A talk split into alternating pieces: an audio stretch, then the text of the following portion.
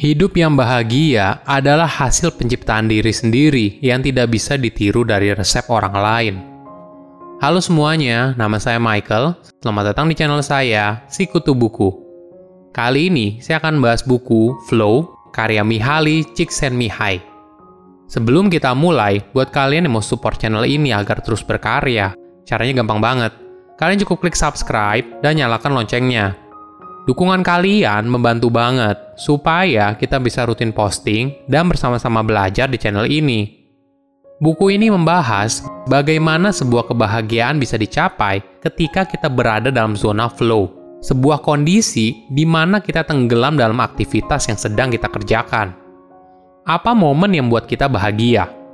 Banyak orang mungkin berpikir hidup santai, jalan-jalan, makan di restoran mewah, dan sebagainya namun berdasarkan riset yang dilakukan oleh Mihaly, momen terbaik justru berasal ketika tubuh atau jiwa seseorang dengan sukarela mencapai batas maksimalnya untuk meraih sesuatu yang sulit dan berharga.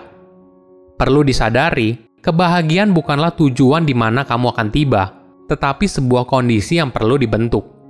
Hal ini dipengaruhi oleh informasi yang kita masukkan ke dalam pikiran dan cara kita mencari kebahagiaan.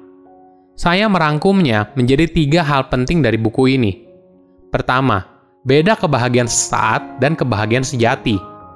Apakah kamu pernah merasa hidup yang kamu jalani terasa tidak bahagia atau tidak mengesankan?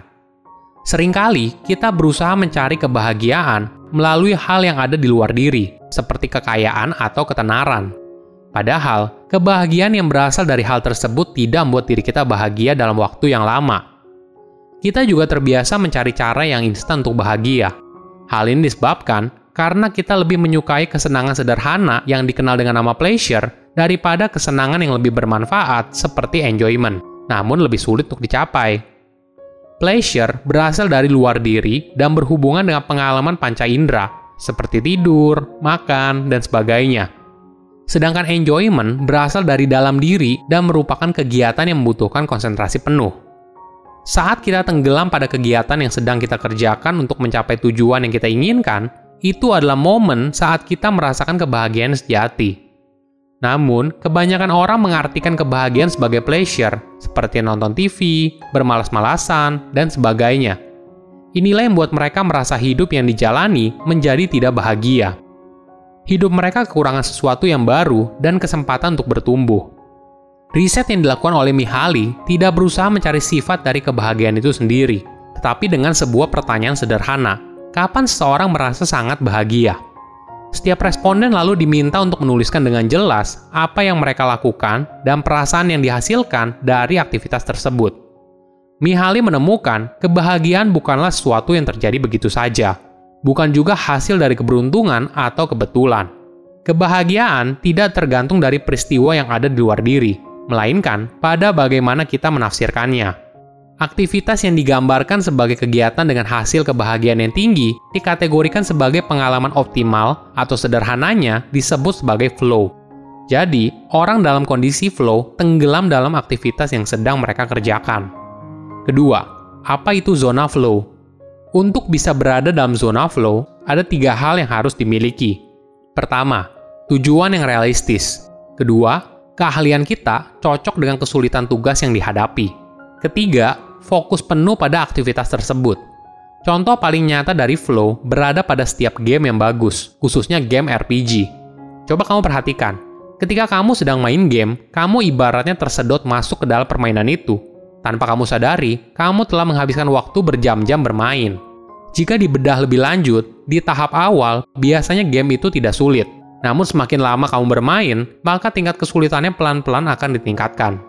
Keseimbangan antara keahlian dan tingkat kesulitan ini yang membuat kita terus bermain. Hingga akhirnya, tanpa kita sadari, kita sudah menghabiskan waktu berjam-jam. Ditambah lagi, di dalam sebuah game terdapat reward dan punishment yang langsung terasa. Misalnya, ketika kita berhasil mengalahkan musuh, maka kita akan mendapatkan experience point, dan akhirnya bisa naik level. Namun ketika kita kalah, maka akan game over. Ada contoh lain yang menarik soal flow. Suatu pagi di Napoli, seorang turis Amerika Serikat masuk ke sebuah toko barang antik dan ingin membeli sebuah patung. Pemiliknya mematok harga yang tinggi, namun ketika dia melihat turis itu ingin membayar, dia mengklaim bahwa patung itu tidak untuk dijual. Pemilik mematok harga tinggi bukan karena dia ingin memeras si turis, tetapi karena dia menikmati kegiatan tawar-menawar dan pertarungan akal. Aktivitas ini mengasah ketangkasan mental dan keterampilan menjualnya. Setiap kali kita terlibat dalam aktivitas seperti ini, sesuatu yang tidak terlalu mudah atau terlalu sulit, kita cenderung memperluas batasan diri kita dan mencapai lebih banyak. Misalnya, jika kamu seorang pemula dalam permainan tenis, pertama-tama kamu akan menikmati saat mencoba memukul bola melewati net. Saat kemampuan kamu meningkat, tantangan mudah ini akan mulai membuat kamu bosan, dan kamu akan mulai mencari tantangan yang lebih berat lagi, misalnya bermain melawan orang lain. Jika kamu memilih lawan yang jauh lebih hebat, kamu mungkin akan berhenti karena tantangan yang sangat sulit. Tetapi, jika kamu memilih lawan yang sedikit lebih hebat, maka keahlian kamu akan meningkat. Ketiga, membuat pekerjaan menjadi sebuah permainan. Banyak orang tidak puas dengan rutinitas harian mereka dan sering kali menyalahkan pekerjaan sehari-harinya. Keadaan menjadi semakin buruk ketika waktu luang yang seharusnya dihabiskan untuk mencari zona flow-nya malah dihabiskan dengan bermalas-malasan. Tenang saja, semua ini bisa diubah. Bagaimana kalau membuat pekerjaan yang kamu jalani menjadi sebuah tantangan sehingga bisa menghasilkan zona flow-nya sendiri? Ada contoh yang menarik penduduk lansia yang tinggal di sebuah dusun di pegunungan Alpen, Italia, tidak melihat perbedaan antara pekerjaan sehari-hari dan waktu luang mereka. Setiap hari, mereka harus bangun pukul 5 pagi untuk memerah sapi, membawa tumpukan jerami bermil-mil, merawat kebun, atau memasak untuk keluarga mereka. Namun, ketika ditanya apa yang akan mereka ubah dalam hidup jika mereka kaya, mereka menjawab bahwa tidak ada yang ingin diubah. Hal ini menunjukkan kalau mayoritas dari mereka berada pada zona flow-nya, jadi apa yang merupakan pekerjaan tidak terasa seperti beban. Sehingga hal ini lalu meningkatkan kreativitas dan konsentrasi saat bekerja. Salah satu cara untuk menciptakan zona flow saat bekerja yaitu dengan membuat reward atau penghargaan internal. Jadi reward ini tidak berkaitan dengan insentif berupa uang atau kekuasaan. Namun rewardnya bisa seperti ini, berusaha melampaui tingkat kinerja kamu sebelumnya atau belajar hal baru dari pekerjaan yang kamu lakukan. Ini merupakan cara kamu bisa menemukan zona flow dalam bekerja. Jadi, kamu mencari tantangan baru dalam pekerjaan dengan tujuan untuk belajar sebanyak mungkin sehingga membantu perusahaan untuk tetap bertumbuh, daripada hanya pergi dan pulang tepat waktu tanpa adanya dorongan yang lain. Kebahagiaan tidak terjadi begitu saja. Kebahagiaan adalah sebuah keadaan yang butuh fokus mendalam hingga kita tenggelam saat mengerjakan aktivitas tersebut.